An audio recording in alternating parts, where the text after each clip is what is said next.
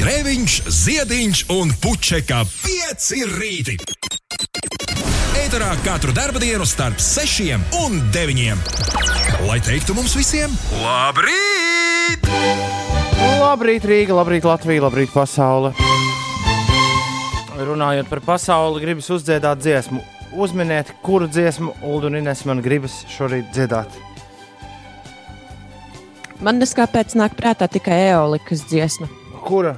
Mēs tev dāvinām Jā. sevi pasaulī. Labs minējums, Uldi. Kura dziesma par pasauli man šorīt gribas dziedāt? Kaut ko par mēnesi. Nē, nē. Šito te. Cik no sniedzas manas valodas zināšanas, kā zināms, tās ir pavisam nelielas. Kaut ko bišķi saprot, ko tajā angļu valodā runā, un tas arī viss. Bet man ir sajūta, ka visi, visas rīta radiostacijas runā pilnīgi vienu un to pašu. Uh, visā pasaulē, un man ir prieks, ka mēs bišķiņi varam atšķirties uz vispārējā fona. Ir kādas divas vai trīs interesantas ziņas. Paši zinām, par ko, kuras man liekas, katrs ir redzējis internetā. Nu, kaut kur aizvadītās diennakts vai divu diennakšu laikā. Tur pat viņiem, tīģeriem un vēl nesko. Un tad tik to apspriež. Bet šis raidījums būs pavisam savādāks, jo mēs runāsim, Mulds pareizi teica, par mēnesi. Par mēnesi. Man ir tāda bērnu grāmata mājās, kurā ir uh, sarakstīts viss, kas, viss, ko dažādās kultūrās domā, kas uz tā mēnesis augšā ir. Kas tur ir redzams? Visvairāk man patika ķīnieši šķiet. Man šķiet, ka tie bija jā, ķīnieši, kuriem kur ir pārliecināti, ka tur augšā ir redzams kā trusis vāra rīsus. Ja jūs tagad redzat mēnesi šajā brīdī, jo mirklī, kad mēs sākam otrdienas 7. aprīļa raidījumu virs Latvijas galvaspilsētas, un droši vien arī virs daudzām citām pilsētām ir redzams liels un milzīgs um, pilns mēnesis. Nu, tur ir tāda mm, no mūsu skatu punkta tāda tā kā pleķīša virsū. Atcerieties, reiz bija, Prāteri. reiz bija tāds līderis. Nu, te blakām kaimiņu valstī. Laikam viņš bija, ne, viņš bija arī PSRS līderis, vai ne? Viņam arī bija kaut kas uz, uz pieres līdzīgs, kā ir tur virsū, nu, uz tā mēnesi. No mūsu skatu punkta, iespējams, ka tie ir krāteri, kā Ines saka, bet tas, kā tas ir tālu no tā punkta, no, uz ku, no kur mēs skatāmies, tie vienkārši ir pleķīši. Un tad uh, senajos laikos, pirms zinātne bija sākusi savus vārdus teikt, ļaudis skatījās un domāja, nu kas tur ir virsū attēlots. Nu, tad atkarībā no tā, kur tu atradies, to tu arī redzēji. Un ķīnieši redzēja, ka tur trusīts rīsu svāra. Un tieši tāda bija vakar mana pirmā reakcija, kad es ieraudzīju pilnvērnes. Vakar, vakarā es teicu, ah, kur trusīts, kurš rīsu svāra ir parādījies. Es tur redzu tādu kā tādu, vai nu kaut kādu dēmoniņu maziņu, tādus kādus baznīcām sēž, vai nu tā kā rokas. Es, es, es skatos, atzīšos, skatos internetā, Nils Vilnis fotogrāfs ir ielicis lielisku mēnesi stūplānu. Viņš ir nobildējis. Trī, nu tā, tā kā Facebookā ir tie kustīgās bildes, tie nu it kā 3D. Var paskatīties, e-punkts uz pilnmēnesi 3D. Es neesmu un... tik sen redzējis Nilu Vilni, ka es pat nezinu, vai viņa, fo- ko es vairāk gribu redzēt. Viņa fotografēto mēnesi vai arī dzēnā pašu Nilu Vilni. Jā, bet tur var labi skatīties un domāt, kas tad tas ir pa zvēriņu. Tie tumšie pleķi Vēl viens. gaišie. Es, protams, ka neesmu bijis uzdevuma augstumos, jo es ieskrēju radio studijā pirms maza mirkļa. Es neesmu uzgooglējis. Noteikti internetā arī kaut kur ir nu, kaut, kaut kāds ne, skaidrojums, kā dažādās tautās skaidroja to, kas uz mēnesi ir redzams. Bet uh, vēl viens kādam bija par vārdi, bet es neatceros, kas tur vēl bija. Nu, kad divi zvēri ir rokās sadavušies. Un to vārdu arī var, tad, kad sāk skatīties, tad tā vārda arī izskatās ļoti ticama versija. Austrumos viņi tur redzēja burtu, konkrēti no islāma reliģijas, kas apzīmēja kaut ko. Un tas ir viss, ko es no šīs bērnu grāmatas atceros.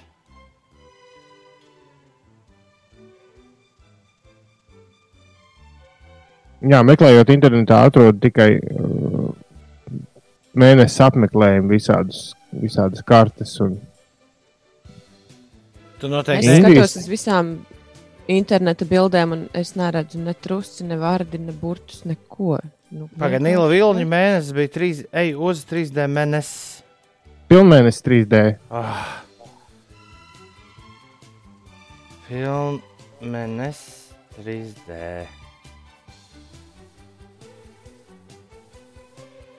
Kamēr te visi interneti sadarbojas un vēl neskas.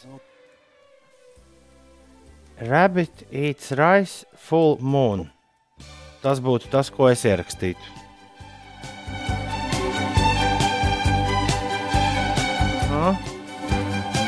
Mēnesis trusis. Mēnesis trusis ir mītiska figūra, kas dzīvo jā, austrumu folklorā, kas dzīvo uz mēnesi.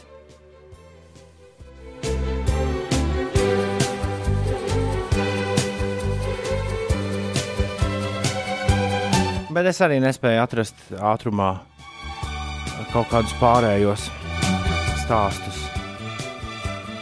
Bet tu uzšādi rīsus. Tas ir neinteresanti. Kā Ķīnā, loģiski. Uh, tas ir neinteresanti. Uh, es skatos uz Nīlu viļņu. Redz, tā, tā jau viss iztēle zūd. Tāpēc, ka tu pārāk tuvu trāpi tam mēnesim virsū. Tad jau vairs tur to trusīt, tas baigi planka. Tad jau kāds zīmējums, baigi plakāts ir palicis. Bet jāskatās no tā skatu punkta, kā mēs to varam redzēt. Tāda bija mana doma. Nu, Wikipēdijā ir mēnesis trusis. Bet kāpēc viņam tieši rīs ir jāvāra? Es Varbūt viņš kaut ko citu Nu, vāra. ķīnieši nevāra neko citu. Viņiem, viņiem ir pat speciāls katls, kurā viņi vāra rīsus. Šo Grēviņa kundze vienmēr stāsta, atceroties savus studijas, la, studiju laikus, kad viņi studēja kopā ar Vācijā, kopā ar daudziem ķīniešu studentiem. Tad viņi teica, ka viņi visi ved līdzi no Ķīnas savus tos rīsu katliņus, raiskukerus. Jo, jo, jo mēs, Eiropieši, nemākam rīsus taisīt. Viņiem ir vajadzīgs raiskukers. Pēc tam tajā raiskukerā var ļoti nu, padiskutēt, vai tur tiešām sanāk labākie un garšīgākie rīsi, bet tas ir ļoti vienkārši. Jo es saprotu, tur ielai ūdeni, ieliek rīsus, un pēc pusstundas tev ir, tev ir rīsi. Un tev pašam nekas Nu. nav jādara, viņus gatavojot. Man liekas, ka tas mēnesis zaķis te ir tāds aiz matiem pievilkts. Vēlreiz jāskatās ah, no mūsu redzes punkta, nevis tur kaut kur klāt. No mūsu pievilkt. redzes punkta jau nemaz neredz droši vien to zaķi, jo mums ir mēnesis pagriezis. Nē, mēnesis visu laiku pagriezis vienu vietu, vai ne? Jā, mums. redz gan. Mēnesis negrozās nekādu mēnesi. jā, tā. teorija, kur tu gribēji izvirzīt, būtu sabriku, sabrukusi tajā pašā brīdī, kad tu to būtu pateicis šajā gadījumā. Ah. Ir 9 minūtes pāri pusdienas sešiem. Kas jauns? Mēs te visi skatāmies uz mēnesi. Jā, es, to, es tāpēc prasu, vai jūs kaut ko jaunu esat ieraudzījuši. Es nevaru paskatīties, diemžēl, uz mēnesi, jo doma laukuma pagalma at- atvars. Es pat nezinu, kā to lai sauc. Nu, tas pleķis, ko es varu redzēt no mūsu pagalma, tur nav nekāds mēnesis. Jā, diemžēl vakar vakarā arī es redzēju tikai māju logos mēnesis atspulgu. Tas tiešām ir, Šodien es vēl neesmu paspējusi atvērt žalūzijas. tas tiešām ir bēdīgi. Jā, Kaut ko redzēt tikai un vienīgi atspulgā. Tā ir cilvēki citās zemēs, un arī mūsu zemē dzīvojuši arī kādreiz daudzus, daudzus gadus, bet tas nav pareizi. Ja es vajag iziet, viena pati jau drīkst, vajag iziet ārā un paskatīties nākamreiz, kad tu tā redzi to atspulgu. Pagaidiet, tie ķīniešu rīsu katliņi ir elektriski vai ne? Jā, jā. À, tad kā mašīnīt rīsu vārīšanai. Mm -hmm. Un tāds katram studentam ir obligāti jāstiep līdzi no Ķīnas, nu, mācoties Eiropā. Jo savādāk bats klāt. es saprotu, ka roņu cīņā jūs tagad esat kviti, proti, atrast to roņu vai satikt to roņu ziņā? Nu, nosacīt. Es, es redzēju vēl kādu, jā, bet. Ā, man liekas, ka Inês ir- bija vienu redzējusi, un tu nebija nevienu, bet izrādās, es esmu palaidis garām, ka tu arī biji kādu redzējis. Man bija tas viens, ko mēs glābām ar vienu onkuli. Pludmalē. Ne, ne, ne, ne glābām, bet es nu, gāju pa tepat vecākos, pa pludmali, un tur tāds padzīvojis pāris, būvēja kaut kādu sētiņu. Es piegāju tuvāk, un izrādās, tur ir ronīts izlīdis. Viņi būvēja tādu sētu, lai neuzbrauc ar riteni virsū, jo viņš bija tieši riteņbraucēju ceļā. Viņi no visām jūras zālēm un mietiem tur būvēja tādu nu, diezgan lielu aploku viņam. Un Tad, tad es atnesu kaut kādus arī atpakaļ nākotnes, atnesu kaut kādus mietus, un mēs kopā uzbūvējam ronim tādu tā kā kastīti. Kas it kā no vienas puses bija slikti, jo piesaistīja cilvēku uzmanību, un tur uzreiz sastājās tā kā zoodārzā daži bildēt. Bet no otras puses, labi, jo bija diezgan liels attālums līdz viņam, un bija diezgan garantīva, ka neuzbrauks neviens velosipēdists virsū vai ne, nejauši kāds. Un tieši tas man gandrīz no, gadījās šajā nedēļas nogalē. Sestdien, bazājoties pa nu, apmēram nedaudz virs zvejniecības, es diezgan lielu gabalu pa smiltīm nogāju. Un tur ir ļoti jauka akmeņaina pludmale. Starp citu, eh, piedodiet, visi tūjinieki, bet man šķita daudz akmeņaināk un, un, tāda vairāk akmeņu pludmale nekā tūja. Nu, No zvejniekiem uz augšu kādu gabaliņu. Un tur pēkšņi soļojot, labi, ka bija līdzi viens suns, kurš pēkšņi sarējās, jo es tam ronim būtu uzkāpis virsū. Viņš bija tik perfekti nomaskējies starp akmeņiem, kurš starp citu roņiem būtu īstā vieta, nevis jūrmālas smilšu pludmalē, jo starp tiem akmeņiem viņi vispār nevarēja redzēt. Ļoti dzīvīgs, kaut ko tur mēģināja teikt mums, un aizgājām prom. Pat nenobildēju. Jūs bijāt vairāki? Divi. Mm. Un, uh, Tā kā man tagad ir divi roņi pret Ineses vienu. ja es te varu steigtu, ir jāatrod vēl kāds. Jā. Nē, nevajag spēt. Nē, es domāju, kā, kā tiem roģiem ir. Viņi, pa kuru, pa kuru virsmu viņi labāk tiek atpakaļ ūdenī? Pa smiltīm vai pa akmeņiem? Vai pa abiem vienādi? Man liekas, ka viņi tā Es nešķiro. domāju, jā, ja viņi ir tādi veselīgi un kustīgi, tad viņiem vienalga smiltis vai akmeņi. Viens pīpis. Skaidrs. Galvenais, lai tie gar eh, jūru staigātāji savus suņus tur pavadiņās. Tas ir jāliek Jo- aiz auss. Jā. Jo, jā, jo dabas aizsardzības pārvalde ir, eh, man liekas, ka diezgan daudz ziņots par roņiem, kur ir tieši suņiem sakosti. Ei. Sākas diena, kurā mēs ieraudzīsim uz mazu mirkli, kā izskatās šī gada.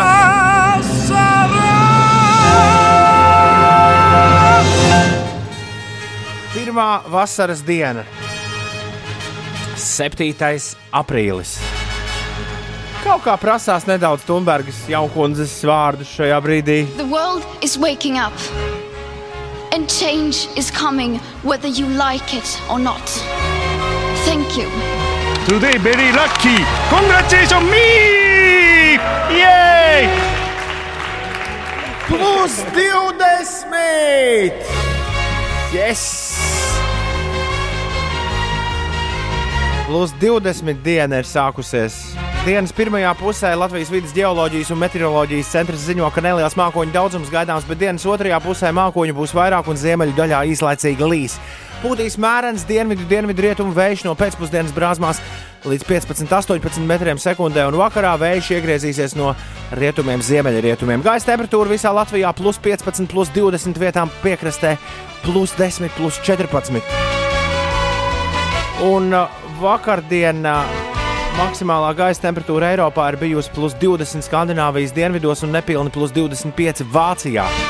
Un kopā ar brāzmāju dienvidu rietumu vēju šodien arī Latvijā būs pirmie plus 20. Bet, ja Ulu tev, atra, ja, ja tev izdosies, ja tev izdosies atrast kaut kur aizvēju, tad sajūta būs baigi labā. Un uh, Jā, un meteo nevajadzētu ko nevajadzētu? atkārtot man vakardienas kļūdu un ziemas jakā iet staigāt, jo, lai arī tad, kad bija ēna, tā jaka it kā noderēja, bija baigi karsti. Vajag tā kā Jā, es to darīju pavasarī, vajag tēkraklā pastaigāties.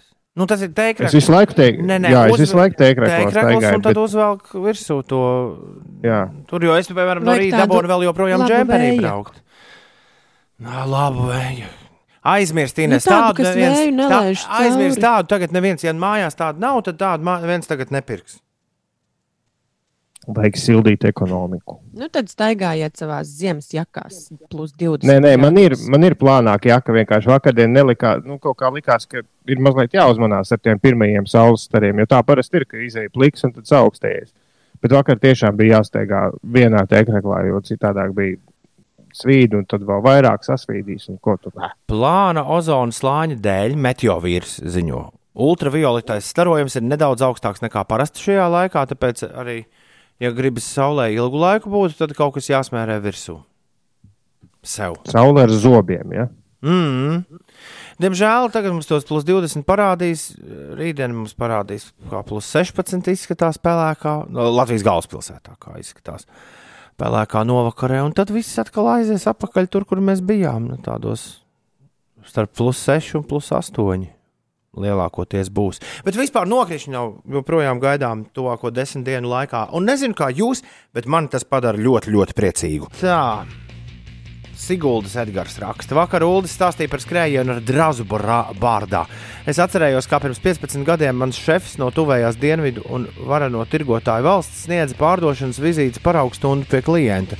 Viņš ļoti efektīvi argumentēja un ļoti daudz smaidīja. Nesen apēstās kaņepju būciņas smaidu, nu, kad tev pilnas zobu starpes ir ar kaņepēm, Ar magonēm. ma ar magonēm. Jā. Tagad nevienam nav nekas efektīvi jāargumentē. Nu, vienīgi video konferencē, bet tur varētu būt, ka arī tos tās sēkliņas nepamanīja, ja tu esi maizīti sājēdies pirms tam.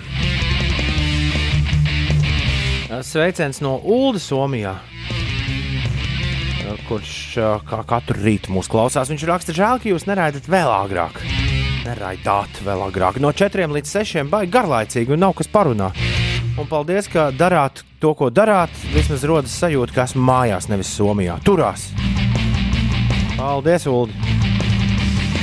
Pēc trīs nedēļu attālinātas strādāšanas Sandra ir atbraukusi uz Rīgu pēc pavasara drēbēm, lai ripotu atpakaļ uz Valmieru un visiem vēl jauku dienu. Man liekas, šis ir labākais laiks, kad vispār nu, kaut ko darīt. Sandra ir ļoti labi izdomājusi. Man piecēlās četros, atbrauc uz Rīgu, tad brauc mājās. Jānis Liepā jārmodies. Viņš raksta zēnu meitenes, kas par baigo skaisto mēnesi vietā jūrā šajā momentā. Skats izcils! Jā, tieši par mēnesi mēs te pirms mirkļa, mm, mirkļa runājām, un es uh, sameklēju vienu to, ka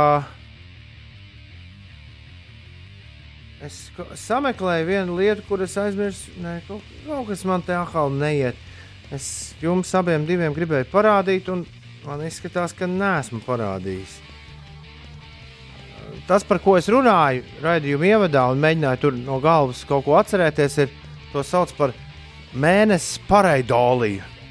Es nav ne jausmas, vai latviešu arī eksistē šāds vārds, bet angļuiski tas ir lunāra pareidolija. Tas tad, kad cilvēki redz kaut ko, kas tur ir augšā uz, uh, uz mēnesi, ko tie pleķīši kādus zīmējumus izveido. Un tur dažādās kultūrās sievietes ir redzētas. Mu, uh, islāmā, jā, ir, viņi ir pārliecināti, ka tur ir rakstīts alī virsū uz mēnesi. Bet ķīniešiem tur ir trusis, kurš vāra rīsus. Un es nekur neatradu, ka tur, var, ka tur būtu arī vardīti. Kur es tur redzu, ja es tādu neapbruņotu acu apskatos, paskatos augšā. Te, kur rakstīts taud, nu, krupis. tā kā. Ah, taud. Un kurš- Arī ķīnieši. Arī ķīnieši to redzējuši. Ja? Nu, re. Bet uh, tikmēr Ulim ir daudz vairāk uh, sainteresēta tā rīsu vārīšanas lieta, par kuru es pirms mirkļa ieminējos. Nu, jā, jo, jo es ied, vienkārši iedomājos par to, ka ķīniešu restorānos tie rīsi nu, nav gluži galīgi, vismaz, vismaz cik, kuras, cik, cik, cik šeit esmu bijis, nav gluži pirmajā vietā. Un tad metos meklēt, kā tad īsti ir. Un izrādās, ka. Uh, Ko nozīmē, nav visur... pirmajā vietā, tā kā tev nav patikuši? Nē, nē, nav tas populārākais ēdiens. Un tad es metos meklēt visādus ķīniešu populārākos ēdienus un sapratu, ka tur nekas nesanāks, jo tur ir tikai Pekinas pīle, kā pirmais tiek minēts. Un tad ir visādas cūgaļas un kas tik vēl ne. Bet paraugoties dziļāk, izrādās, ka rīsi ir ļoti ķīnieši, ķīnieši, ķīnieši kas dzīvo dienvidos. Tiem populārākais ēdiens ir rīsi, un ziemeļos ēd uh, kviešus, kviešu produktus. Un tas tā gad, gadu simtiem jau ir šīs sadalījums, un tas ļoti arī visa sabiedrība iedalās. Kur ir, jo, jo rīsus izaudzēt, ir daudz grūtāk. Līdz ar to tie dienvidnieki skaitās tā tādi nu, strādīgāki, un, un, un, un ziemeļnieki atkal esot augumā garāk. Tur vesels, vesels ja, ja pagūglēt, ir vesela, vesela zinātne par to, kā tur ko. Bet, bet vispār cilvēki piktie, kāds saka, ka ķīnieši ēd rīsus. Tas tāpat kā latviešu lasa sēnes. Jā, jā, jā. jā. Bet ļoti interesanti. Vēl dzīvo pirmdienā. Kad dalās, no nu, latviešiem seši kāju pirksti. Jā, jā. Kā Igauni domā? Jā, nezinu, kāpēc. Vai tad vēlreiz? Uh... Augšā ziemeļos ēd kviešus, nūdeles un visu pārējo. Okay. Dienvidos ēd rīsus. Jā, un, un apkārt, ārvalstīs, vis kaut kur vairāk tie ir īsi. Bet var jau būt, ka no studenti, nu, kas ziemeļos mazāk naudas cilvēkiem, un tie studenti, kas tiek līdz Eiropai, ir no dienvidiem. Tāpēc arī mans tas teiciens, teiktais par rīsu gatavotāju katlu arī par raizkukeru šorīt izskanēja radio ēterā. Varbūt arī varētu būt arī, ka rīsi vienkārši ir vieglāk, vieglāk dabūjami ārpus Ķīnas nekā tur no kviešiem taisītās nūdeles un tur ņemties. Vakar diezgan katastrofāli beidzās šis, šī pārraide, jo mēs izstāstījām par kādu dziesmiņu, un tad uh, dziesmiņai vairs pašai laiks nepalika.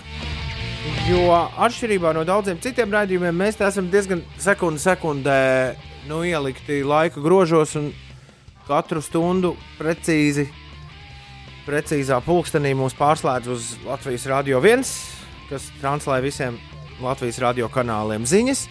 Mēs tiekam pārslēgti uz Latvijas Rādio 1, tad mēs tiekam 5 pāri atslēgti no Latvijas Rādio 1. Un neko mēs tur nevaram darīt. Mēs varētu mierīgi turpināt visu kaut ko runāt un spēlēt arī, kamēr skan ziņas, bet beig beigās to izdzirdēs tikai un vienīgi tie klausītāji, kur mūs klausās mūsu atkārtojuma mašīnā.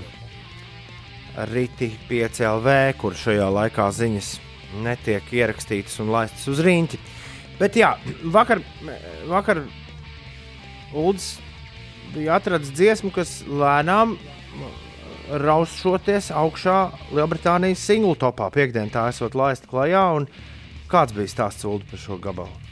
Stāsts bija tāds, ka tas ir kāds TV, uh, TV komiķis, kurš šo dziesmu jau bija ierakstījis kaut kādā raidījumā pirms 20 gadiem, un tagad viņš viņu ielika Twitterī. Vienkārši mājās iedziedāja pats ar ģitāriņu, un pēkšņi tā dziesma kļuva šausmīgi populāra.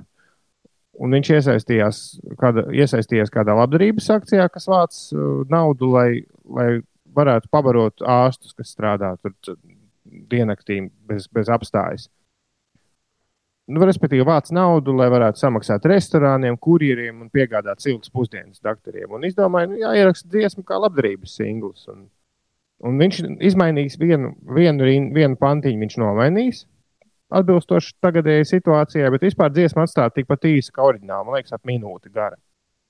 Ļoti foršs tādam singlam. Un jā, jā, jāatzīst, ka ļoti lipīgi man šorīt no rīta tīrot zobus skanēja galvā. Es, mēs ar Ines viņu nekad neesam dzirdējuši. Vai tas ir Mats Lukas, kas to izpilda? Jā, Mats Lukas. Jā, jā. Es brīnos, ka es nevaru nekur, kur man rāda. Nē, re, kur ir? Jā. Nu, redzēs, kā viņam ies. Viņam Spotify ir tikai 36,000 klausījumu šim. Absolūti. Bet, nē, viņam ir ļoti svarīgi tas, kā iTunes pērk. Ah. Viņiem, ne, nav, viņiem nav vajadzīgs traumē. Nu, traumēšana neienes naudu tajā labdarībai, tāpēc visi tiek aicināti pirkt. par 99. Kā viņas Pensijām. tur sauc? Pensijām. Ah, nu būs interesanti, vai šīs meldiņš nonāks, nonāks pozīcijā numur viens Lielbritānijas singletopā, bet mēs viņu varam beidzot noklausīties. Ines, tu esi gatava? Es jau sēžu un nevaru sagaidīt. Jā, tu jau trīnies kartupeļu dziesmu, gribot dzirdēt. Šis ir Mats Lukas. Iespējams, ka mums būs šī dziesma jāiekļauj savā rotācijā. Dziesma sauc Thank You Baked Potato. Keep your distance, make some space. Thank you, baked potato. Remember not to touch your face. Thank you, baked potato. And if you want to have a better day, you must listen to what the baked potatoes say. B A K E T P O T A T O. Baked potato. Ja šī dziesma būs numur viens, vai tik nesenāks, ka tā būs visīsākā numur viens dziesma Lielbritānijas single top vēsturē? Viena minūte un četras sekundes. Viss īsi un kodolīgi par to, kas jādara Tam ļoti tagad. garš, ļoti garš ievads. Vai ne? Man ir arī dziesmas instrumentālā versija. Ļoti labs fons, ļoti labs dienas sākumam. Turam īkšķis par cepto kartupeli. Kā tev vienreiz patīk dziesma? Man patika ceptā kartupeļa balss. Tiesa, tas nav nevis tas ceptais kartupelis, es domāju, Britiem, nu, kā mēs to iedomājamies. No šķēlītes uzcepts ņem, ņem, ņem. Bet gan nu, lielais, viss kartupelis iemests cepeškrāsnī. Jā, es iedomājos, ka tas varētu būt saldais kartupelis cepušu krāsnī ar visu miziņu. Ņem, ņem, ņem, ņem, ņem, ņem, ņem. Mums varbūt Uldi jāieraksta latviešu versija. Ja reiz ir, Ceptas ja reiz ir instrumentālā, kā prāts nesās, nesās uz dumībām daudz vairāk nekā, piemēram, pirms diviem mēnešiem. Šobrīd Uldis gan nesit plaukstas un nepriecājas. Es esmu, es, jau, es kārtējo reizi esmu apjutis no tiem oficiāli Big Top 40 un UK Top 40. viņiem, ir divi, viņiem ir divi topi Anglijā. Jā, bet oficiālais ir official chart. Tas, kurš ir mājaslapā officialcharts.com. Tas ir Viņi oficiālais. viss nav. Tas ir sing tā- oficiālais single tops, kurā tiek viss saskaitīts kopā. Pilnīgi viss. Un Kas ir oficiāli Big Top 40? Nezinu. Pirmo reizi dzirdu. Tas ir kaut kas līdzīgs. Nu, tas ir ra- radio, radio tops. Bet Latvijā mums arī ir vairāki Latvijas topi. Tā kā viss normāli. Ir 6,45 minūtes. Ines, kas notiek? Latvijā par trim mēnešiem tiek pagarināts autovadītāju obligātās medicīniskās izziņas derīguma termiņš, ja tas beidzas ārkārtējās situācijas laikā. Tā paredz veselības ministres Ilzas Viņķelas rīkojums, kas stājas spēkā šodien. Ir atsākušies remontdarbi uz valsts autoceļiem desmit posmos, tā informē Latvijas valsts ceļi. Tas ir pateicoties labvēlīgiem laikapstākļiem, kas šogad notiek. Tas šogad notiek uh, agrāk nekā parasti šie ceļu remonta darbi. Un jā, par laikapstākļiem Latvijā pirmo reizi kopš oktobra gaisa temperatūra sasniegs plus 20 grādu atzīmi. Spoža saule gaisu sasildīs līdz plus 17, plus 21 grādam, bet vējiem pūšot no jūras maksimālā gaisa temperatūra kurzemes rietumos un ziemeļvidzemes krastā būs plus 10, plus 15 grādi. Pūtīs dienvidrietumu vējš, brāzmās tas pastiprināsies līdz 11, 16 metriem sekundē. Galvaspilsētā līdz pievakarē saglabāsies skaidrs debesis, gaisa temperatūra plus 20 grādus sasniegs un vakarā pastiprināsies vējš. Vēl par šodien. Šodien, pulksten desmitos no rīta, tieši saistē notiks ķīmijas valsts olimpiāda. Olimpiādas dalībnieks to pildīs atrodoties savās mājās, un pats dalībnieks ir atbildīgs par interneta pieslēgumu un datortehniku olimpiādas laikā. Pārstartē kompi. Pirms olimpiādas Man- sākas. Es domāju, ka tu man to saki, jo Nē, nē. šis ir viens no tiem rītiem, kad gribas mest austiņas pa gaisu un arī datoru. Kāpēc? Tāpēc, ka jūs man ļoti raustāties, un es uh, grūti izsekot līdzi jūsu sarunām. Tu pārstartēji datoru pirms tu sāki rīt radio. Es viņu ieslēdzu pirms es sāku rīt radio. Es Hmm. taču neturu datoru ieslēgt visu laiku. Hmm. Un internets tev ir Wi-Fi, ja kaut kāds, vai, vai mobilais. Man ir mobilais internets iesprausts datorā. Hmm. Tad tev droši vien ir jāveic tā pati procedūra, kas Tomam jāizsteigā, jāatrod, kur tev tas mobilais internets ir. Ne, nezinu, tur Ines ir rūtīša dzīvoklī. Viņai nav Nu, nekur jāstaigā. Viņai ir jāpaņem, loga pieiet. jāpaņem vienā rokā, jāpārliek otrā rokā. Man ir tā mazā, mazā mobilā kastīte, ko iesprāž datorā. Ā, Es iedom, Ā. iedomājos, jā. jā. Nu, neko darīt. Es nezinu, kā mēs tev varam palīdzēt, Ines.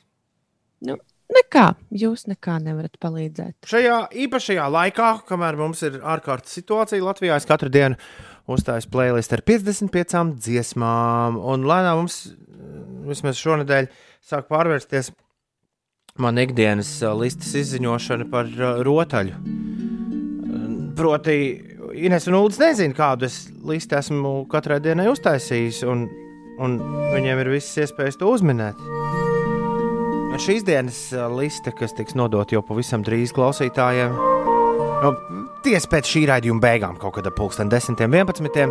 Ir dziesma, kas ir liste, kas sākas ar Aleksandra Desplā melodiju no filmas uh, Vodens forma. Ja bija latviešu Shape of Water. Tā ir filma, kas vinnēja Oskaru pirms gad, diviem gadiem. Benicio del Toro filma. Kas tā varētu būt pa playlistu? Kur sākas ar ūdens formu?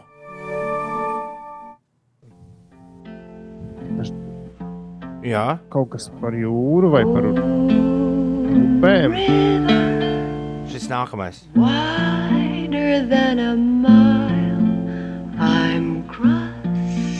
Pie ūdeņiem. Ko lūdzu?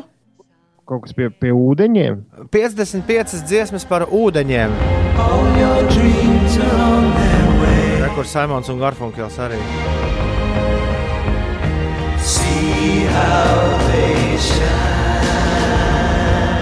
Jā, visādas dziesmas par ūdeņiem. Un ir rīktīgi foršas visādas dziesmas par ūdeņiem. Kur roiksop par skriešanu uz jūru.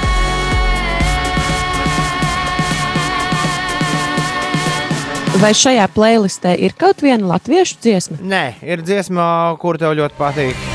What the water gave me, Florence and the Machine.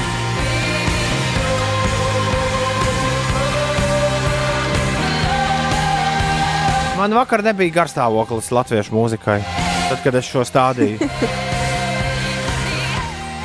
Labi, mēs piedosim tev. Būs, būs kāda cita reize, atkal, kur būs tikai latviešu dziesmas. E-punkts uzslīpsvītra 55 dziesmas. Šodien 55 dziesmas par ūdeņiem. Ir otrdiena, 7. aprīlis. Šeit Latvijas radio 5,5 LV. 5 rītī. Uldis un Inese Jā, ir arī ar mani kopā. Ines šorīt bišķi dusmīga. Mazliet. Nu, varbūt nedusmīga, bet. Mm, nezinu, kā to Vīlusies. Vīlu. Mani Nu, nu, nu. kaitina. Man šorīt jā, ir viegli nokaitināt. Un to ir izdarījis mans internets un dators. bet tu ar to internetu dari visu, vai ne? Ar to vienu puļķi. Ja tev ir vairāk. Mm, nē, man ir tas viens, un tas man ir šobrīd uz abiem datoriem. Telefonam ir savs internets. Tev ir pat vēl veseli divi datori. Jā, man visu laiku ir bijuši divi datori. Mm. Nu, kopš mēs esam no rīta attālināti. No viena datora es tā mūsu inženieris. Ja? Jā. Inženieris tā mūsu man teica, no viena datora es drīkstu tikai runāt, un no otra datora es gatavoju ziņas, un esmu scenārijā un visur citur. Tad Labi, labi, ka Inženieris zina, ka tev ir viens internets abiem. Mm. diez Jā. Vai. Nē, inženieris zināja par to, ka laukos man bija internets ar iesprāžamo vadu. Redz, tas ir ļoti svarīgi, jo man šķiet, ka. Bet vakar taču viss bija kārtībā, vai ne? Laikam jau it kā likās, ka jā. Bet Nu, es šorīt, to- šorīt es- cita es- diena pienākusi. Jā, kāds pēkšņi izdomājis, uh, kaimiņš iegūt savā īpašumā oficiāli nopumpēt kinofilmas pirmizrādes 40 gigabaitiem vai kaut ko tamlīdzīgu. Jā, Tagad taču oficiāli var dabūt visādas filmas, es skatījos, nopērts tur kaut ko, ja tūlīt sāk. Jā, un es esmu pamanījusi, ka manas mīļākās kliņķkāpēja filmas arī var dabūt. Tur ir 24 filmu paka, bet ar visām 75% atlaidēm tas ir tomēr mazliet par dārgu man. Bet dikti, dikti gribās. Žēl ka, tev, gribas. žēl, ka tev nav dzimšanas diena šajā laikā. Tas Bet, būtu zini kā, Ines, par dārgu eh, arī citiem. Kaut kad varbūt, kad dziesma, te, at, tas, tas puļķis tev ir viens, viens un tas pats operators, kas mobiliem tālrunim. internetu Nē, man ir divi dažādi. Varbūt, Nu, ka tev ir vērts ir viens operators. Jā, pamēģināt to datoru, kur tu raksti un skaties scenāriju un raksti ziņas. To caur telefonu pieslēgt internetam. Var jau būt. Jā, Bet labi. Nē, nu, jebkurā gadījumā mēs ar Ulu esam Ines, absolūti gatavi tevi kaut kā iepriecināt. Uh, diez vai mēs varam tevi iepriecināt ar kādu dziesmu, nu, divu tā nodziedātu, jo mums ir grūti to veikt. Esot, nu, mēs nevaram tā teikt, unisonā laist vaļā kaut ko, jo, jo mums ir tomēr kaut kāda maza, bet nobīde, un līdz ar to, ja mēs ar Ulu mē, mēģinām dziedāt, ajā, žūžu lāču bērnu, tad tas izklausās šādi. Ulu, trīs, četri. Ajā, žūžu lāču bērni. Tas tāpēc kā Ja neizklausās. jūs nesmietos, tas uh, izklausītos pēc kanona. Nu, man tā Galvenais, ka es to nedzirdu, dziedāt jo, jo es, kanonā. Tu es dziedi? dziedāšu. Jo es, man liekas, ka vis, manā austiņā viss ir kārtībā. Ah, ok. Es ieslēgšu radio Pagaidi, trīs, četri. Ajā, Ajā, žūžu lāčā bērni. Ai, Ai, tam nevajadzēja sākt smieties. Bet tu Uldi no- dzirdi vienlaicīgi, kad viņš sāk dziedāt, vai ne? Jā, jā. Bet Tom, Ulris kā sāk tu? man dziedāt, viņš dzied man ai, nu, tieši tāpat kā tu dzirdi, Ines, manuprāt. Viņš sāk dziedāt. Bet varbūt tev ir pus- jāklausās. Sekundi vēlāk. Varbūt tev Varbūt ir es jāklausās, kad dziedi sāk līdzi. dziedāt un jāķer viņš. Jā. Nu, Tad Ulris sajūgs prātā. Nu, mēģinām. Trīs, četri. Ajā, žūžu lāčā bērni. Ajā, žūžu. Šis bija labāk. Kainami. Žū. Žu, žu, žu. Jā, šis skanēja krietni labāk. Jā, bet Likās, neizkla ka jūs neizklausās, ka mēs tev, precīzi neizklausās, ka mēs tevi iepriecinājām. Mēs nevaram tev kaut ko uzdzējot, Ines.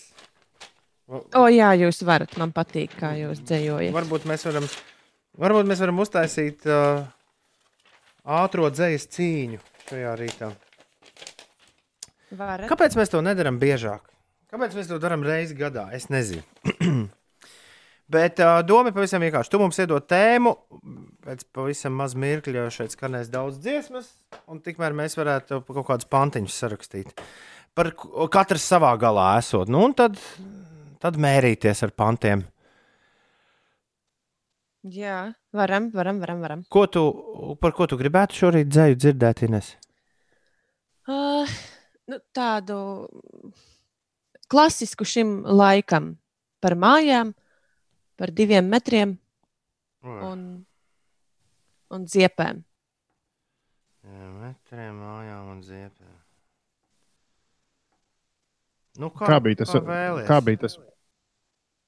Kā bija tas pantiņš, kas bija, Kurš pants? kas bija reklāmā? Kāda 3, reklāma? 4. Mājas ziepes, 2 Ko- metri. Nu, kā jūs nezināt to? Nē. Nesat redzējuši ielās reklāmu, ah, jūs neesat bijuši ielās. Mēs jau jau pa ielām nestaigājam, baigi apkārt. Jā. Viņš kaut kur skan, viņš bija. Ko tu smejies? Pilns internets ar to ir. Nu, bet es neesmu Trīs. redzējis. Nu, tā, tā, Pa- pasaki mans vēlreiz. internets ir pilns ar visādiem hipsteru krākliem. Man neko citu nerāda. Tā Mājas ir- ziepes, 2 metri. 3, 4. Trīs, četri. 2 metri. 3, 4 mājas. Kāpēc, ziepes, kāpēc divi tur tie 3, 4? Nu, tāpēc, lai kaut kādas atslē, atskaņas būtu. Es ceru, ka jums Labi, nē. sanāks labāk. Labi, Ines, dod, savu, dod savas tēmas. Nu kā? Ines taču teica, divi metri mājas un ziepes. Labi. Tad, tad Veļas trīs ziepes. dažādas tēmas. Jā. I, Veļas ziepes? Kāpēc veļas ziepes? Nu, nē, lai paliek vienkārši ziepes. Ir 13 pār 7. Labrīt! Kāds ir pamodies arī? 2, 9, 3, 1, 2, 0, 2, 0. Kā jums šajā rītā iet? Kas jums uz sirds? Varbūt kāds no jums arī grib kādu pantiņu uzrakstīt. Esiet sveicināti. Otradien, 7. aprīlis. Es kā vetārs saku, koži visi. Visi koži. Ceļamies un mostamies un gaidām plus 20 grādus. Labrīt! Šodien Helmuts zina un zinaīdi jāapsveic vārdu svētkos. Ja pazīstat kādu Helmutu, zinu un zinaīdu, neiet pie viņiem ciemos. To šajā laikā nedrīkst darīt. Bet aizsūtiet kādu jauku video, piemēram, uzfilmēt, kur jūs eh, riktīgi ķēmojaties. Daudz laimes dzimšanas dienā komponistam Jānim Lūsēnam. Viņam šodien ir dzimšanas diena. Pēterim Šmidrem šodien dzimšanas diena. Jā, tur bija viss kaut kas rakstīts, ko viņš dara, bet tā bija ļoti veca informācija. Tāpēc man nav nejausmas, ar ko viņš šobrīd nodarbojas. Man arī nav nejausmas, ar ko viņš to darbojas. Raselam Krovam, jaunzēlandiešu austrāļu aktierim, ar tādām skumjām suņa acīm. Viņam. Dzimšanas diena šodien. Džekijam Čanam, Hongkongas leģendārajam scenāristam, kaskadierim, aktierim, režisoram. Viņam daudz laimes. Francis Fords Coppola. Krustēva režisors šodien svin dzimšanas dienu.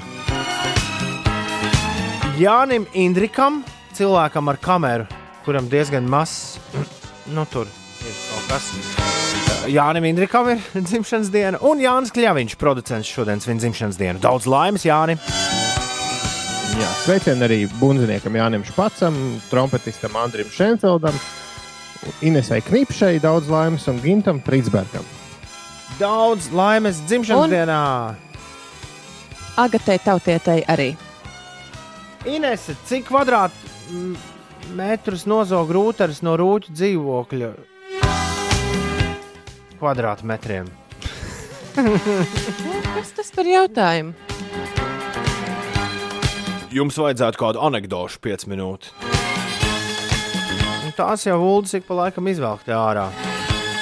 Diez ko labs, nekas labs tur parasti nav. Sveiciens man raksta Strīķu Jānis. Jau atkal esmu saņēmies piecelties un doties uz darbu. Pagaidām izskatās, Jānis, ka tas labi sanāk. Kuram te nāk miegs, ko? Pasties jau saule debesīs. Uh, jā, mums ir eksperimentālais, eksperimentālais dzējas slēms. jau nu ne, bet uh, es nezinu, kā to nosaukt. Bet, uh, Kā tev gāja? Man ir četri panti uzrakstīti. Tik Man daudz vēl nebija. Ne... Jā, Kā tev, Uldi? Uldim Man neizklausās, gāja, ka neiet. man gāja ļoti slikti. Es trāpīju uz tā saucamā writers bloka. Tas ēd un nolika nost. Nē, izrādās, tas nav tik vienkārši vienam sēžot mājās, ja tev nav ideja. Un tad es uzrakstīju, nodzēsu, un uzrakstīju, nodzēsu, un uzrakstīju. nodzēsu, Tas tā, man liekas, tā ir pirmā divi- kļūda. Nu, tā, lai, lai uz ātrumu dzējot, tad ir uzreiz nu, vienkārši jāatstāj tas, kas ir, un, un jāiet tālāk. Jo savādāk, ja to sāk, Jā, bet nu, tur nebija. Tur nebija. to jau mēs nekad neuzzināsim vairāk. Tur bija pusotra rindiņa un, un apstājās. Līdz ar to ir muļķīga situācija. Nevar būt. Cik tu biji gaidījusi, Ines, cik tu no mums izspiedīsi? Nu, es Nu, biju ja tu- ja tu tā vienu brīnies. četrrindi. Vienu, četri. Tās Nu, tev, tad man ir. tā, tā tev ir ļoti labi. Jā. Tad es izvēlēšos savu labāko, un, un tad Jā, Ine- varbūt pirmajai, un tad Ines būs, reizei tā darām. Ines būs neveiksmīgā situācijā, jo viņai būs jāpasaka, kur četri viņai patīk labāk. Bet jūs, nu, klausītāji, var nākt man arī talkā, vai ne? Droši, droši. Nu, kuram, ir, kuram ir jāsāk? Hmm, man, man ir jāizvēlās, kurš no jums sāk. Ja? Labāk, lai Toms ar vairākiem sāk, varbūt, jo Tomam ir vismaz divi apgājieni. Nē, es labprāt uh, arī izvēlētos tikai vienu, un pārējos jums nemaz nerādītu. Tikai šobrīd Nu, sāc, es, tam, sāc es tam nebiju. Es tam nebiju gatavs. Nu, Nu, sāc, sāc es vēl domāju, jā. visu kaut ko, kā tu nesaproti. Es mēģinu uzrakstīt kaut ko ātrumā. Šis ko- ir, šis ir tas laiks, kad uh, mums bija jānolasa, ka Uldis grib, lai mēs mazliet ilgāk parunājam. Nē, nē, šis ir tas Mieru. brīdis, kad Tikai mieru. uz nākamo. Un, uh, kad tevi sauc pie tāfeles nākamo, un tu centies paniski paspēt kaut kādu mājas darbu. Pamažā. Eh, Nē, es sākšu ar. Es nolasīšu to, kur es nesaprotu, ko, ko es te esmu uzrakstījis. Tā. Nu, tāpēc, lai iesākumam ir. Nu, nākas. Bāžam padusēs termometrus stīvus un distancējamies no visiem metrus divus. Uzliekam tad vecos labos līvus, un kad tie izskan, viss ir atkal kluss. Šis tā kā Japāņu dzēja. À, bet tev ir, ā, tev ir katra četrinde par vienu no tiem vārdiem, ko Par visu kaut ā, ko man ir. Par visu kaut ko man ir. Pirms mēneša atnācu uz mājām. Tieši tā, pats ar savām kājām. Domāju, ka uzkavēšos vienu īsu brīdi, bet nu jau šķiet, varētu pārlaist arī visu dzīvi. Vai, cik šis bija piemēram, šāds. Tad ir man uz plaukta tādas smalkas ziepes. Tik smalkas, ka šķiet taisītas no dārgas riepas. Tās smaržas vietā ož dikni, dikni, bet ko darīt? Mazgāju tā, ar tām es rokas dikti. Izskaidro, izskaidro, lūdzu, man rindiņu. Tik dārgas, tā kā smalkas riepas. Tik smalkas, ka šķiet taisītas no dārgas riepas. Jā, jā Dārgas šo rie- riepas ir dārgas. Nu, riepas ir dārgas. Labi. Tā ļoti labi, jo es esmu reanimējis, pateicoties līviem, es esmu reanimējis vienu no pantiņiem. es noslēgšu ar savu pēdējo. Šorīt man nemaz nav prieka. No pusvārdu kolēģi nesaprot nenieka. Ja būtu tie man blakus aiz drošiem diviem metriem, tad ņemtu mest un mestu tiem ar ziepēm. Man liekas, šoreiz labi, ka mēs neesam tev blakus. Jo ar ziepēm trāpīt, dabūt pa galvu nebūtu forši. nu tā, Nu, būtu sāpīgi. klausāmies Ulu Pantiņus. Tātad, eh, pateicoties līvu pieminēšanai, es atjaunoju pantiņu, kurā es biju ticis līdz pusē, un jau iepriekš atvainojos par neveiklu atskaņu, kur ir izmantots divu vārdu. Jo man ar pantmēriem negāja tik labi kā Tomam, es nezinu tos garos. Tāpēc ir, es aizņēmu pirmo rindiņu. Kad aizēju ar draugiem, tāpat es esmu viens, jo tuvāk man par diviem metriem nedrīkst nākt neviens.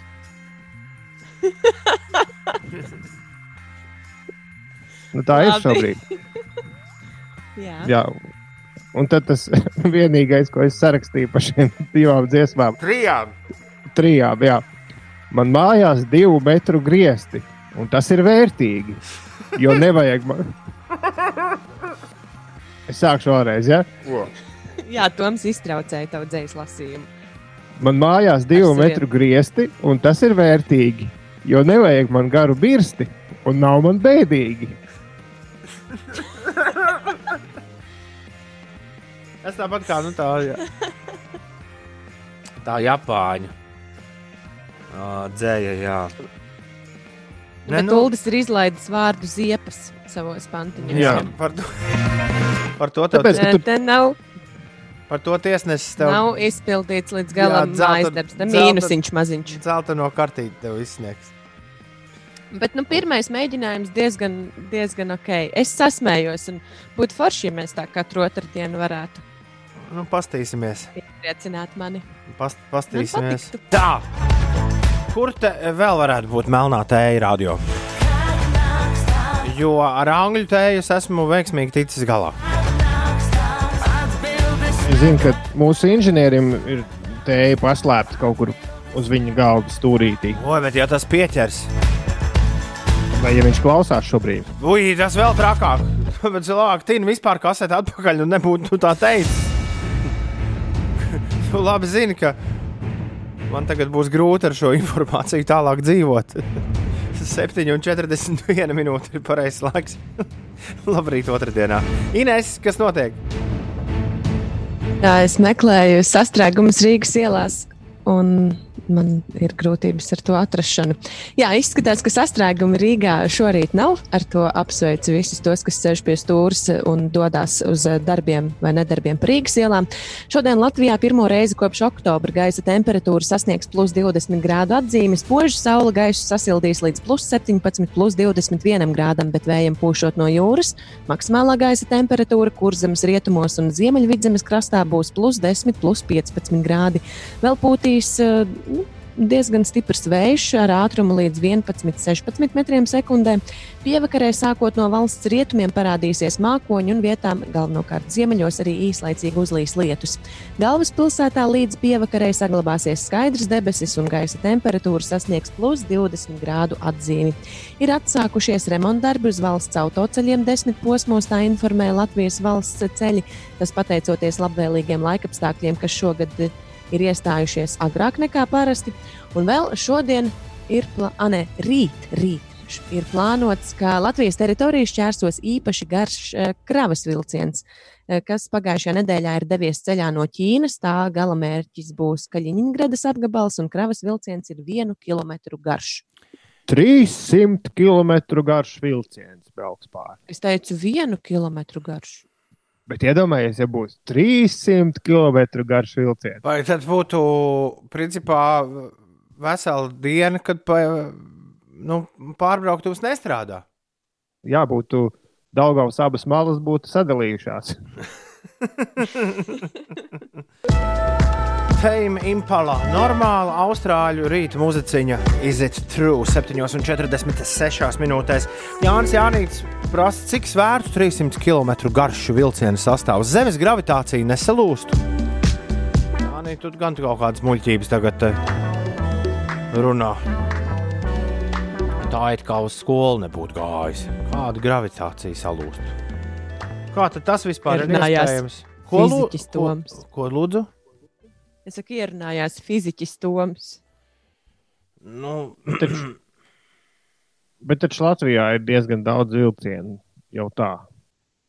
Interesanti, cik ir Latvijas vilcienu kopgarums? Tieši vilcienu, nevis dzelzceļa sliežu. Es pieļauju, ka uz šo jautājumu tev neviens īsti pat atbildēt nevar. Nu, zinām, ka tagad ir pa vienu vagonu mazāk, jo tam pienvedēji uzbrauc virsū. Bet Ko lūdzu? Labi, tas nav smieklīgi, Nu, tā- tā... bija. pienmašīna, nē, nē, nu, tur nekas smieklīgs nav. Labi, ka bez upuriem. Nu, notriec vilcienu no sliedēm, pien, Oi. pienvedēju mašīnu. Kur tas atgadījās?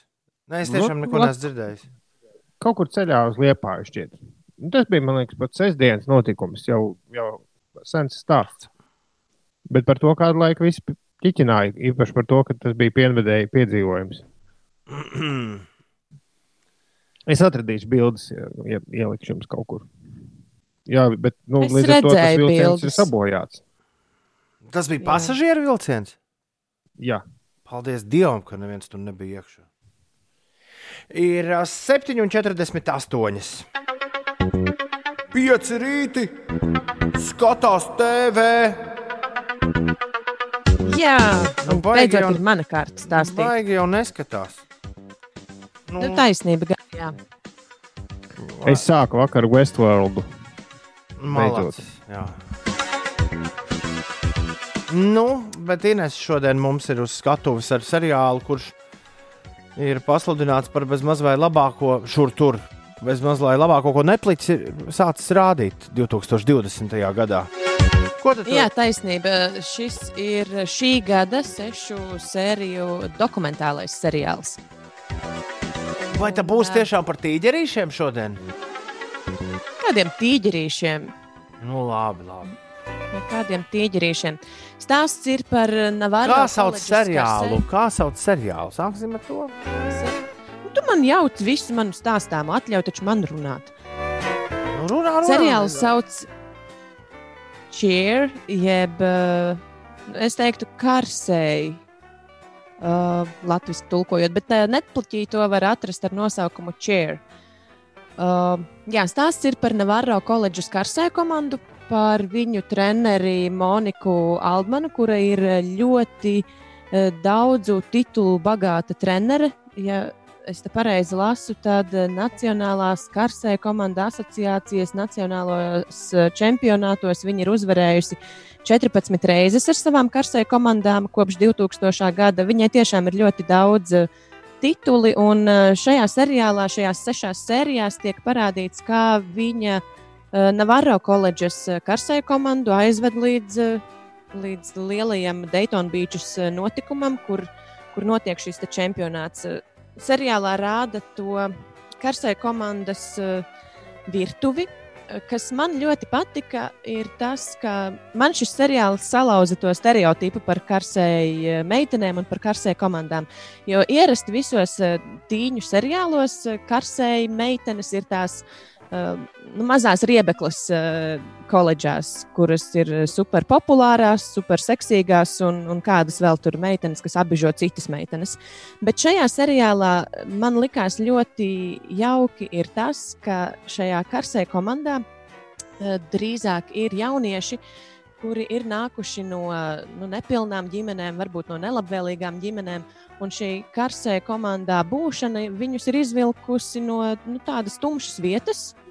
Un, un, un eh, šie treniņi tad kļūst par eh, neatņemamu, neatņemamu viņu dzīves sastāvdaļu. Un, un jā, tie jaunieši kļūst eh, labāki kā personības. eh, Nu, arī, arī fiziski viņi kļūst eh, stiprāki un, un labāki. Jā, tur uh, tiek parādīts, cik milzīgs uh, darbs ir aiz uh, katra no tiem karsē komandu priekšnesumiem, un cik patiesībā tas ir bīstams un, un traumatisks, jo tur rāda arī to, kā jaunieši gūst traumas. T- Tas ir tāds līdzsvars starp uh, sportu un, un nu, es pat teiktu tādiem pat cirka elementiem, jo tās meitenes tiek mētātas un augšā, lejā un grozītas. Nu, traki. Jā, un kāds ir dramaturgiskais pavērsiens visā tajā, ko tur rāda? Uh, tas, ka nu, neiet jau nemaz tik viegli ar tiem treniņiem. Jā, tā Monika ir, uh, ir, ir tituliem bagāta, un tas ir arī diezgan liels spiediens. Uh, ka viņai arī šogad ir jādabūna tituls ar savu komandu, jādabūna tā pirmā vieta čempionātā. Un tur rāda to, ka programma, ko viņi ir sagatavojuši, ir, ir ļoti, ļoti grūta. Tur stāsta arī par atsevišķu jauniešu dzīves stāstiem, par viņu pagātni.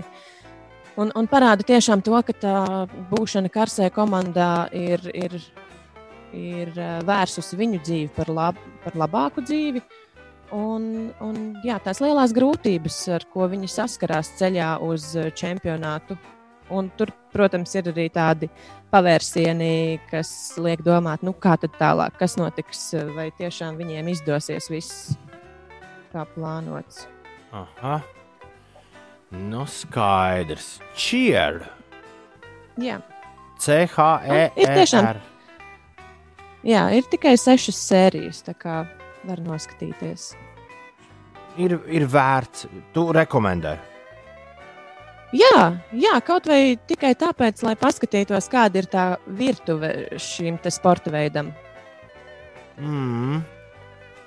Jo es tiešām godīgi teikšu, manī bija tas eh, stereotips eh, par to, ka nu, tur tās eh, meitenes uzdzīvo un vienkārši labi izskatās un, un ir nejaukas pret mm. citām meitenēm. Bet uh, Māja ar karsē krepapīru komanda tiem pušķiem, ja?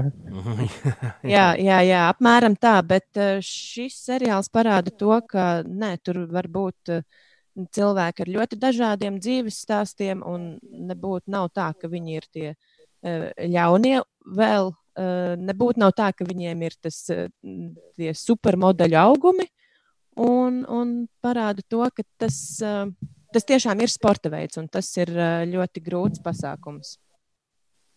Nu, skaidrs. Cheer. Šajā rītā.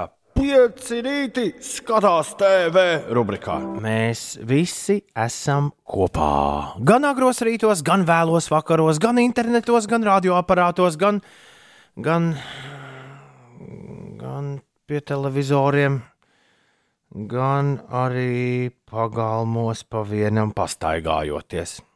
Kaut kā tā. Ines, man te vecmāmiņa gribēja tev vienu jautājumu prasīt. Jā, kādu?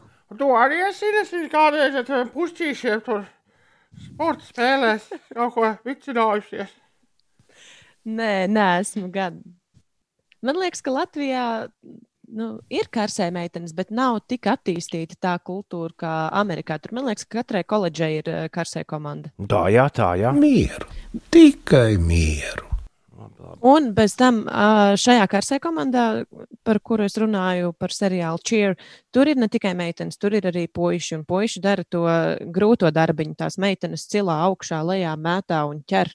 Pats svarīgākais - noķert arī viņas. Jā. Cilvēku piramīda tā, es, tā bija. Ja? Jā, jā, jā. jā.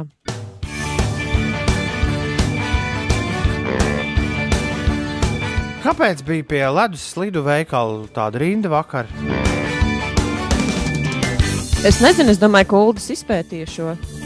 Nē, varbūt kāds klausītājs zina, kāpēc vakar Čakā ielā kaut kur pie ķertrūdas ielas ir ledus slidu veikals, un tur bija gara rinda. Brauc garām brīnījos. Man patiesībā liekas, ka tur pārdod ne tikai ledus slīdes, bet arī skrituļus. Nu, droši vien. Ah, tā rekurtas suns aprakts. Kaspars raksta, gribēja pasveicināt savu dēlu Kristapu. Es zinu, ka viņš jūs klausās. Šorīt forši noskrējām pirmo rītu krosiņu sajūtas super labas. Rīt skriesim atkal, lai forša diena. Paldies, Kaspar!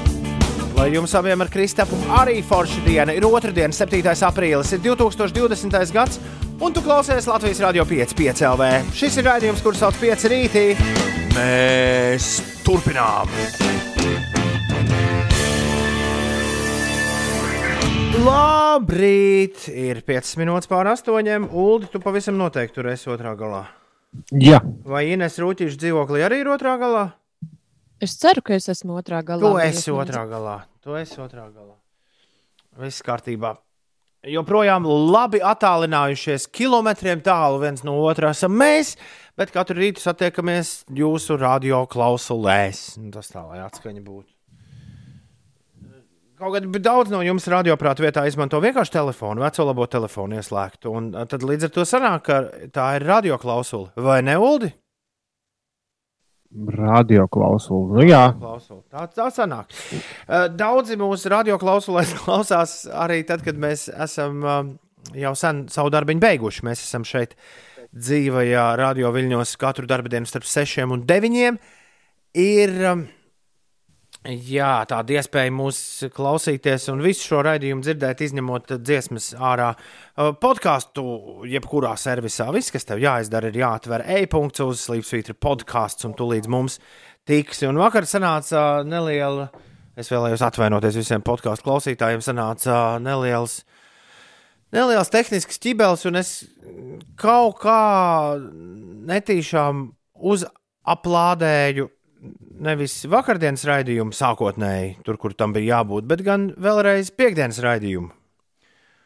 Un uh, pagāja, paldies Dīdzim, kurš bija pirmais, kurš pamanīja to, ka tā ir noticis, un bija vairāk klausītāji, kas rakstīja par to.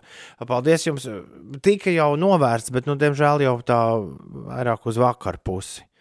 Šis pasākums. Turpmāk apsolos arī Uldim un Inesai dzirdot, ka būšu cītīgāks un rūpīgāks un skatīšos līdzi.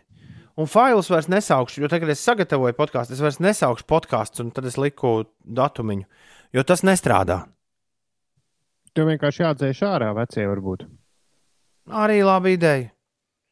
Jo, ja tāds slinkums, pats labi zini, ka ir tāds slinkums kaut ko dzēst ārā regulāri.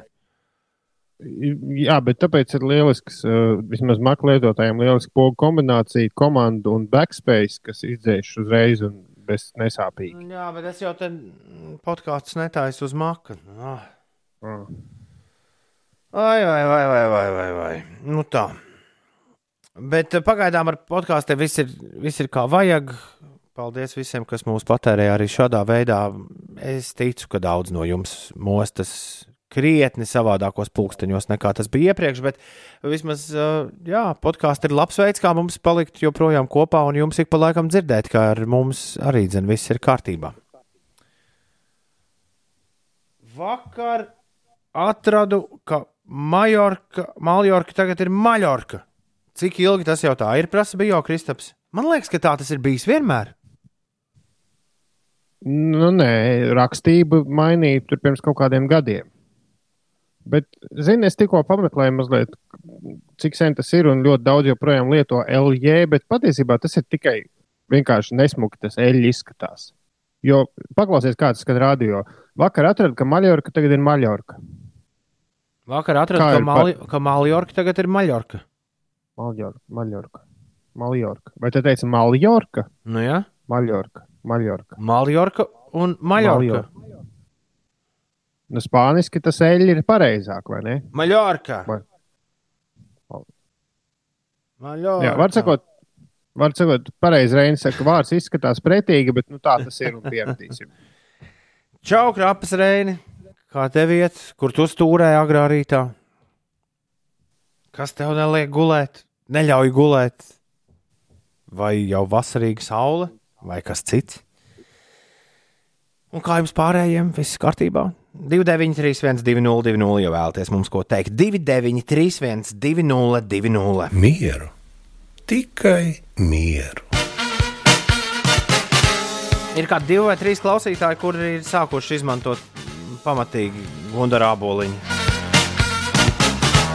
Atsūtot īsiņu miers uz eh, 293, 202.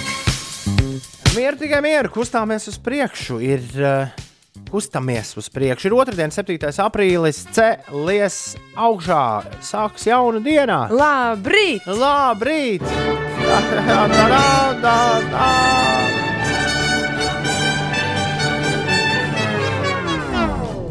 Neprasiet, kāpēc tas skanēja. Nav, nav man nekāda skaidrojuma. Mūsu Rīga Latvijā! Jā, Uldi. Nē, daudz raksta, ka būtu Maļorka bez L pareizāk. Nu jā, bet kur tad, tad rakstiet tiem, kas to Maļorku izdomāja? Nu, kā, no mēs- Ibi, kā no Ibizas var dabūt īvisu? Ko?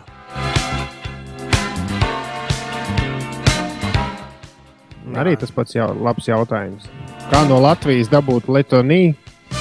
Letonija. Jā,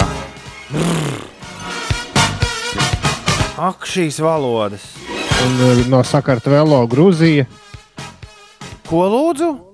Nu, Sakartvelo valsti nosauc par Grūziju. Jā. Kā Artūram. ir labāk? Gu, guļam, iz... ah, nu labi. Nē, mier, laikamies mierā ar valsts nosaukumu. Nu, nu, nē, nē, nē pasaki. pasaki. Nē, nē, viss, viss, viss. viss. Ir cerība, ka tomēr nāks pie prāta, kā bija ar. Raksta Krapas Reinis. Ceri vien! Sveiciens tētim Arthūram un māsai Karlīnai, lai viss pa pirmo. Un Arthūram bija un vēl turpinās diennakts mājiņa. Tā nāk miegs, ka stāvus varētu aizmigt. Arthūr negulīja! Arthūr negulīja! Arthūr, mēs ar tevi! Neaizmiedz! Iedomājies, radio būtu diennakts mājiņa. Dažiem cilvēkiem ir. Nē, nē, tāda, ka tu kā 6 no rīta sāc raidījumu, tad nākamajā rītā 6 beidz. Tad nāk nākamais DJs.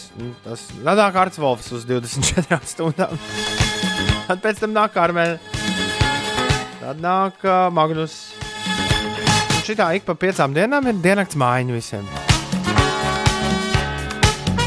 Bet Piera- nostrādā to vienu dienu, un atlikusī nedēļa brīva.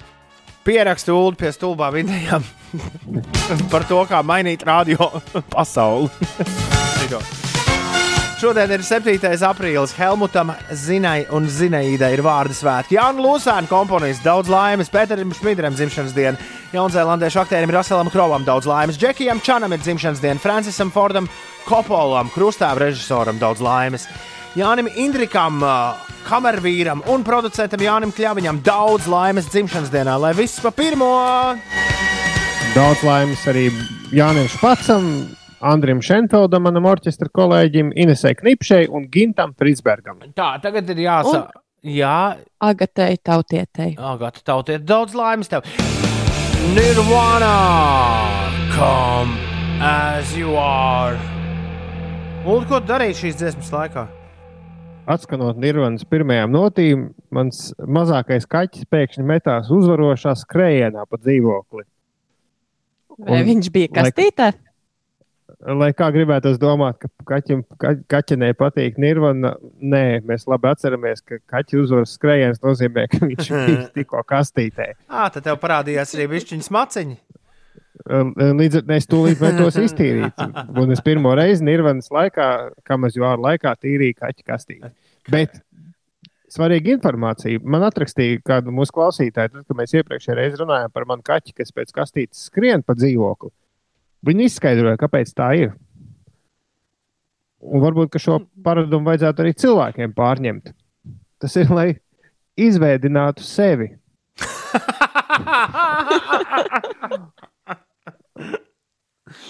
lai jebkādi netīkami aromāti izveidinātos no tavas spalvas, matiem, drēbēm. Ļoti To labi. nebrīdīties, ja mums radio gaitadī tur pagrabā pie toaletēm parādās skrējēji. Skaidrs. Ai, ir um, 8 un 28. Mieru, tikai mieru. Te pienvedējs Reinis. Manuprāt, gan man, gan noteikti kādam citam dienas sākumā varētu uzlabot dziesma, jā, dienas sākumu varētu uzlabot dziesma tortu, ko izpilda Rolands Če. Un to mēs katrā laikā ar prieku uzliekam, vai ne, Ines? Jā, Nu, tad aiziet vēlreiz. Pieci, lat, gājs, nā, mazā, labāk uzliec ir plats. Tort krāt, tort krāt, tort krāt. Ģimenē es gribu, lai tu torti krati. Rolands Čē un Zaņķis. nā, mazā, labāk uzliec ir plats. Tort krāt, tort krāt, tort krātī. Ģimenē es gribu, lai tu torti krati. Šī ir vienīgā radiostacija visumā, kur šī dziesma skan vismaz reizes trijās stundās. Nu, labi, varbūt ne tik daudz. Uh, jā, paldies visiem, kur turpina sūtīt visādas dziesmu nosaukumus. Tas vairs nav jādara, jo mēs esam noslēguši šobrīd. Uh, jā, pasūtījumu koncertu. Iespējams, ka rīt būs vēl, bet tagad būs. Metam gaisā vai grūžam aizā! Dziesmu ieteikumus sūta rīti at 5.lv. gaisā vai aizā. Tagad būs.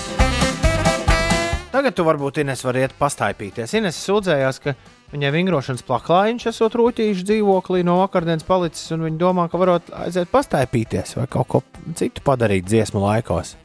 Bet tortas Nu jā, dziesma, tā kā manas, tortas dziesma tev laba manas, nebija diezgan, jā. jā, tā kā manas fizioterapijas nodarbības notiek manas pašas pavadībā, manā dzīvoklī, tad jā, bija palicis paklājiņš izritināts uz grīdas. Šorīt pa pamostoties, domāju, hmm, varētu taču ik pa laiciņam arī no rīta kaut ko aktīvāku padarīt. nevis vienkārši sēdēt krēslā. vajadzētu, vajadzētu. Jā, bet šī tortas dziesma man galīgi negāja pie Pie sirds. lietuviešiem. Tur jau nevar stiepties, tur var kratīt. Nu, jā, jā, jā. Tāpēc lietuvieši paklausēs, varbūt šis labākais. Vakar gaisā uzmest mežku čai, caca ļaļā.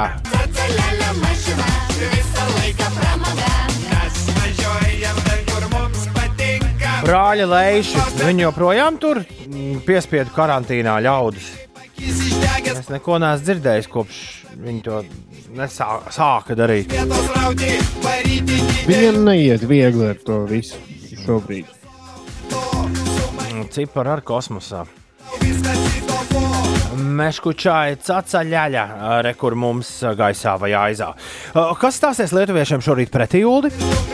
Lietuviešiem stāsies pretī kāda dziesma par uh, vīriešu un sieviešu līdz, kā, nu, līdztiesību. Jā. Jā.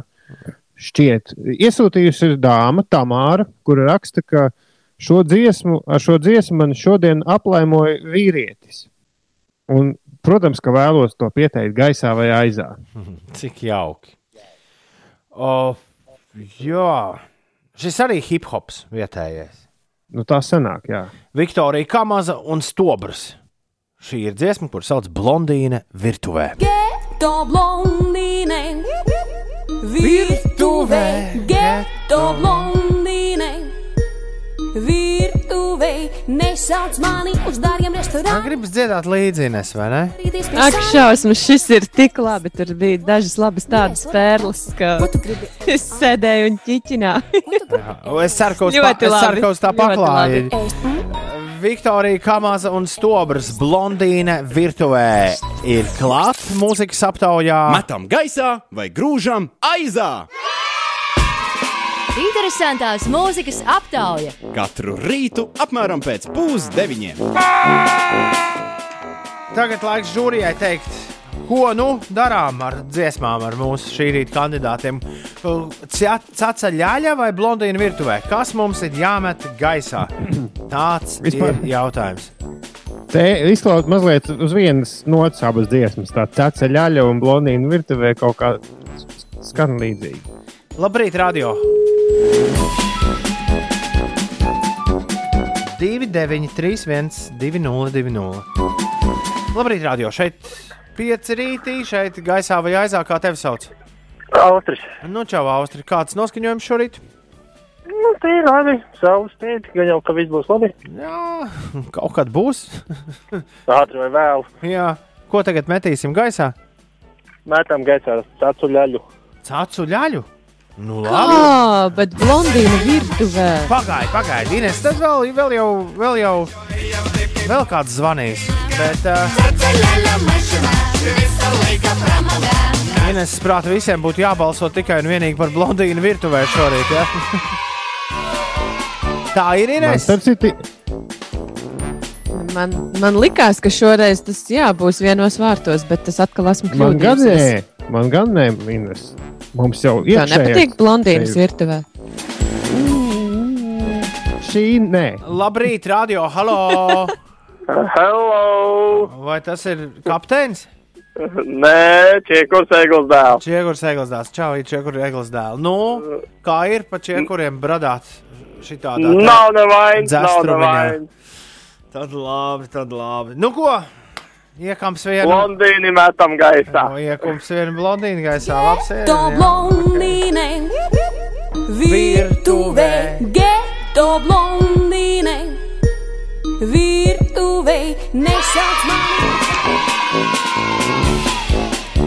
Tā, nu tagad mums ir gan uh, caca ļaļa gaisā, gan blondīna virtuvē gaisā. Laiks noskaidrot, kurš šorīt uzvar.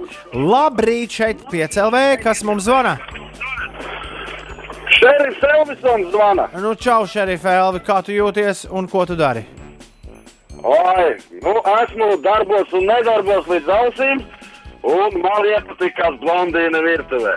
Blondīna virtuvē, līdz ar to iet šorīt gaisā, lai tev forša diena, čau, tā! Jā, paldies! Geto blondīne virtuvē, geto blondīne Es teiktu, teicu, Ines, ka viss būs beigās labi. virtuvē, nesauc mani. uz Man patika vairākas rindiņas no šīs dziesmas. Viktorija Kamaza un Stobrs. Man ļoti patīk vieta, kurā Stobrs pievienojās šai dziesmai. Viktorija Ka- Arī, bet man patika tā, tā vieta par eh, to, ka viņai nevajag Bentley, bet Kamazu. Nu, tad vienmēr sakot, šis ir gaisā. Tu klausies? Mieru, mieru. Un uh, šis tiek iemests iekšā aizā.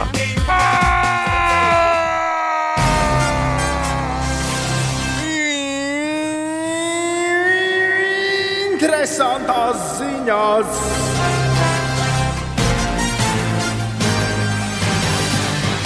Kā Alaž, pats interesantākais raidījuma beigās. Nu, kā tad tā?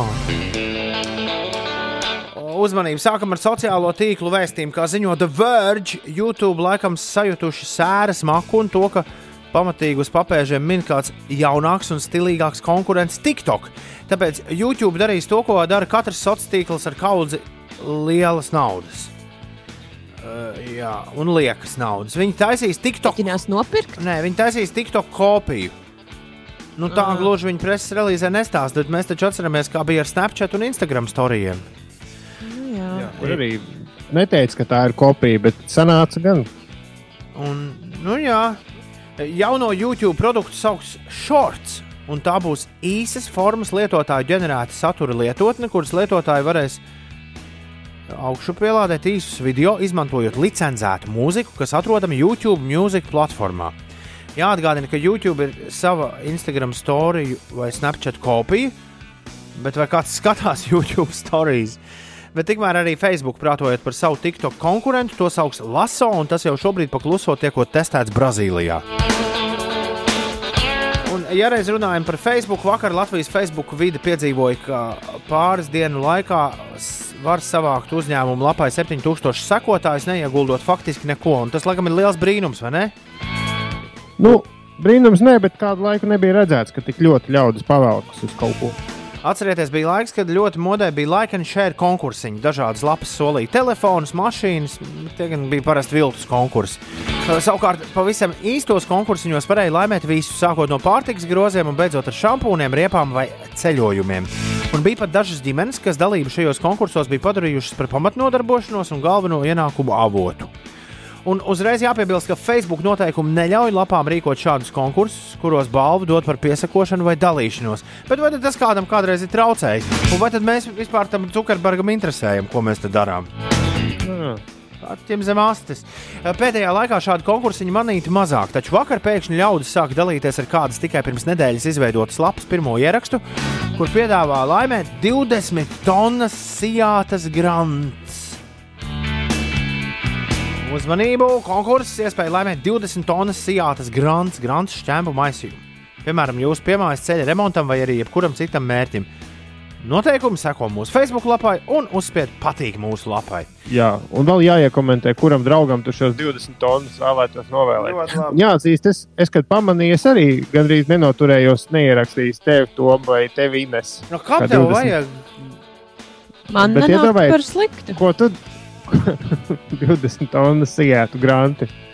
Izskatās, bet- ka, izskatās, ka tieši 20 tonnas labi sijātas grants ir tas, kas ļaudīm šajā sarežģītajā laikā ir vajadzīgs. Jo ar ierakstu ir dalījušies gandrīz 10,000 Facebook lietotāju, pie ieraksta ir 15,000 komentāru, bet lapa savākusi jau 7,000 sekotāju. Savukārt, kā liecina lapā atrodamais cenrādis, konkursu balva maksā 5 eiro tonnā. Tātad visas šīs akcijas izmaksas ir 100 eiro plus piegāde. Iedomājieties, kā tur piegādās to granti. Tā, tad, cik tur tā mašīna maksā? Bet iedomājieties, tas ir kādas Facebook reklāmas. Vienkārši piedāvā granti. Labs jautājums, ko vēl varētu izspēlēt Facebook konkursiņos. Varētu Melnzemi. kūdru, lauka akmeņus. vai mēslojumu. Kas ir siena ķīpa? Un... Nu, sienas, nu, sausa zāle. Sausa zāle. Es gribētu salu dabūt. Nu, Facebook Tagad jau man liekas, eh, labāk ir eh, ruļļos, nevis eh, ķīpās. Nu, es nezinu, kā tos rūļus sauc. Jā. Un- varbūt- klausies. Varbūt. Omleti var izspēlēt. Ledu. Ah. daudz, daudz ledus. Ejam tālāk. Pustonu ledus. Jā. Ejam tālāk. Amerikā un Kanādā darbu uzsākusi jauna video straumēšanas platforma, par ko kaut kad pērn stāstījām arī interesantajās ziņās. Quibi. Platformā, kuras nosaukums radies no vārdiem Quick Bites, būšot īsās formas darbi, video, kuru garums nepārsniegs desmit minūtes. Pie tiem strādās tādi meistari kā Stevens Spilbergs, Katrīna Herdvika, Pols Fīgs, Gilermo del Toro. Un veidotajā saturā būs redzama piemēram Jennifer Lopes, Idris Elba, Lebrons James, Chance the Rapper un Chrissy Teigen. Lietotni būs iespējams lietot gan portreti, gan landscape režīmā, un tā maksās 4,99 ar reklāmām vai 7,99 bez tām. Ja reģistrējas aprīlī, tad pirmās 90 dienas ir bez maksas.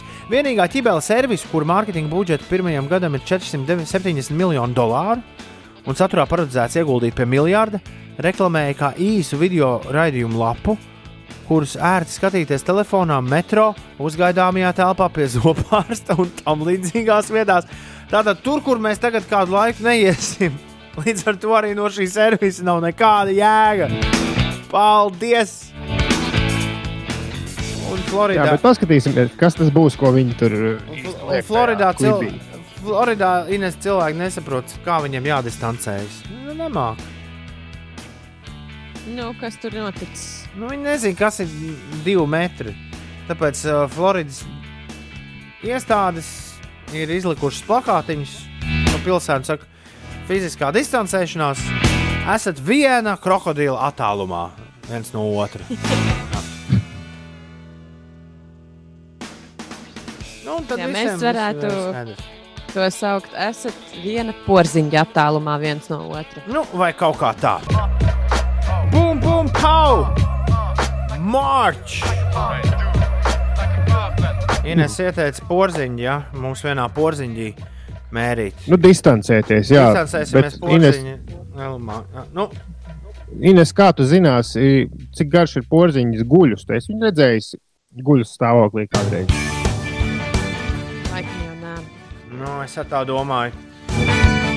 Līdz galam jau tas zināms nav gan. Evo, bet tas arī viss cauri. Šis bija otrdienas rīts. Rīt būs jau trešdienas rīts, tad ceturtdienas rīts un tad ir četras brīvdienas. Paldies, ka klausījāties! Visu labu! Ātā! Ātā!